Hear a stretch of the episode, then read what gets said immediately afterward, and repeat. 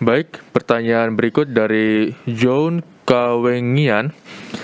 Pertanyaan, Selamat malam tajam. Dalam Ayub 1 ayat 12, Tuhan tidak mengizinkan iblis untuk membunuh Ayub. Sementara dalam Ayub 1 ayat 13 sampai 19 menceritakan kematian dari hamba-hamba Ayub serta anak-anak Ayub. Pertanyaannya, apakah iblis memiliki kuasa untuk membunuh manusia baik secara langsung maupun tidak langsung? Saya bacakan pendeta. Ayub 1 ayat 12 sampai 19. Ayat 12 dikatakan, Maka firman Tuhan kepada iblis, Nah, segala yang dipunyainya ada dalam kuasamu. Hanya jangan engkau mengulurkan tanganmu terhadap dirinya. Kemudian pergilah iblis dari hadapan Tuhan. Ayat 13.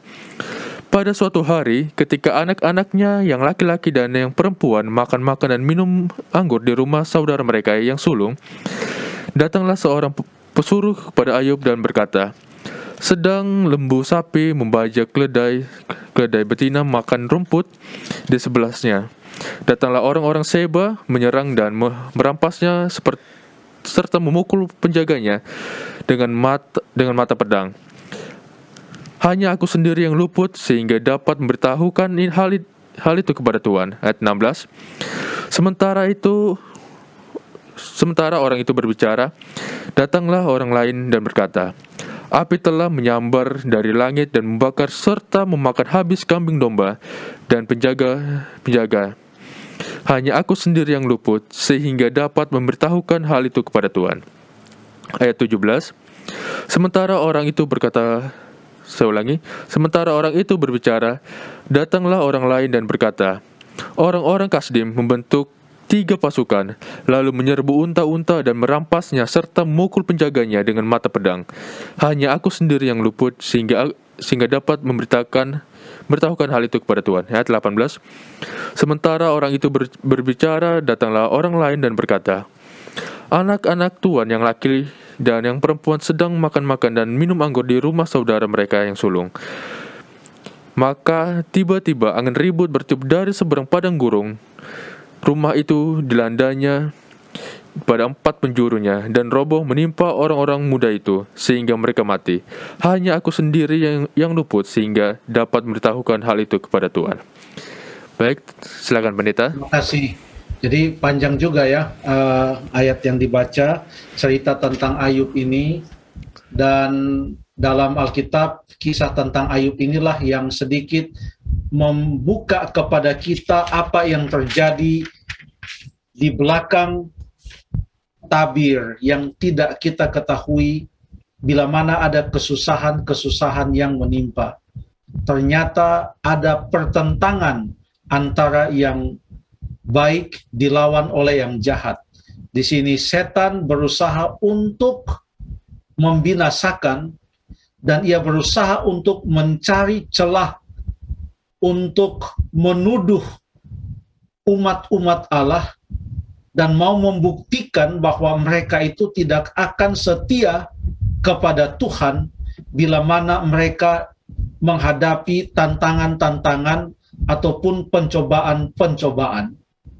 Itu yang kita tahu dari petunjuk yang ada dalam Ayub 1 dan juga Ayub yang kedua. Selebihnya itu kalau kita tidak tahu, biarlah kita tidak telusuri lebih dalam tentang apa yang terjadi. Tapi paling tidak kita tahu bahwa setan berusaha untuk membinasakan manusia, menuduh mereka bahwa mereka itu tidak akan loyal dan setia kepada Tuhan Allah, kepada pencipta mereka. Pertanyaan tadi adalah apakah setan mempunyai kuasa secara langsung maupun tidak langsung di luar dari apa yang Tuhan Allah izinkan. Apakah ia bisa melakukan sesuatu yang Tuhan Allah mengatakan, aduh saya tidak bisa campur tangan tentang hal itu. Itu kekuasaan dia. Kuasa saya tidak sanggup untuk mengalahkan dia. Kuasa saya tidak sanggup untuk menghentikan dia.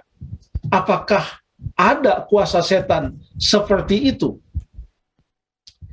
Tadi di ayat yang ke-12 dibacakan, ini kata Tuhan kepada iblis, nah segala yang dipunyainya ada dalam kuasamu. Apa yang dipunyainya? waktu dikatakan segala yang dipunyainya ada dalam kuasamu. Baca sekarang Ayub 1 ayat yang ke 2 sampai ayat yang ke 3. Ia mendapat tujuh anak laki-laki dan tiga anak perempuan. Ia memiliki tujuh ribu ekor kambing domba, tiga ribu ekor unta. 500 pasang lembu, 500 keledai betina, dan budak-budak dalam jumlah yang sangat besar. Sehingga orang itu adalah orang terkaya dari semua orang yang di sebelah timur. Ini daftar apa yang dimiliki oleh Ayub, apa yang dipunyai oleh Ayub. Nah sekarang kalau Tuhan katakan kepada iblis, setelah iblis ingin untuk membuktikan apakah Ayub ini benar atau tidak, dan dia mau membuktikan bahwa Ayub ini pasti akan mengkhianati dan meninggalkan dan menyangkal Tuhan atau mengutuk Tuhan bila mana ia menghadapi pencobaan dan tantangan-tantangan yang berat. Pada saat itu Tuhan katakan kepada iblis, "Nah, segala yang dipunyainya ada dalam kuasamu." Apa ini? Yang tadi sudah kita baca, lembu, unta, kambing, termasuk di sana ada anak-anak. Jadi bukan artinya Tuhan tidak punya kuasa, tetapi dalam cerita ini, dalam cerita ini bahwa Tuhan mengizinkan hal itu terjadi. Tanpa izin Tuhan itu tidak akan terjadi. Tuhan di dalam kemahatahuan dan maha kuasanya, ia izinkan itu terjadi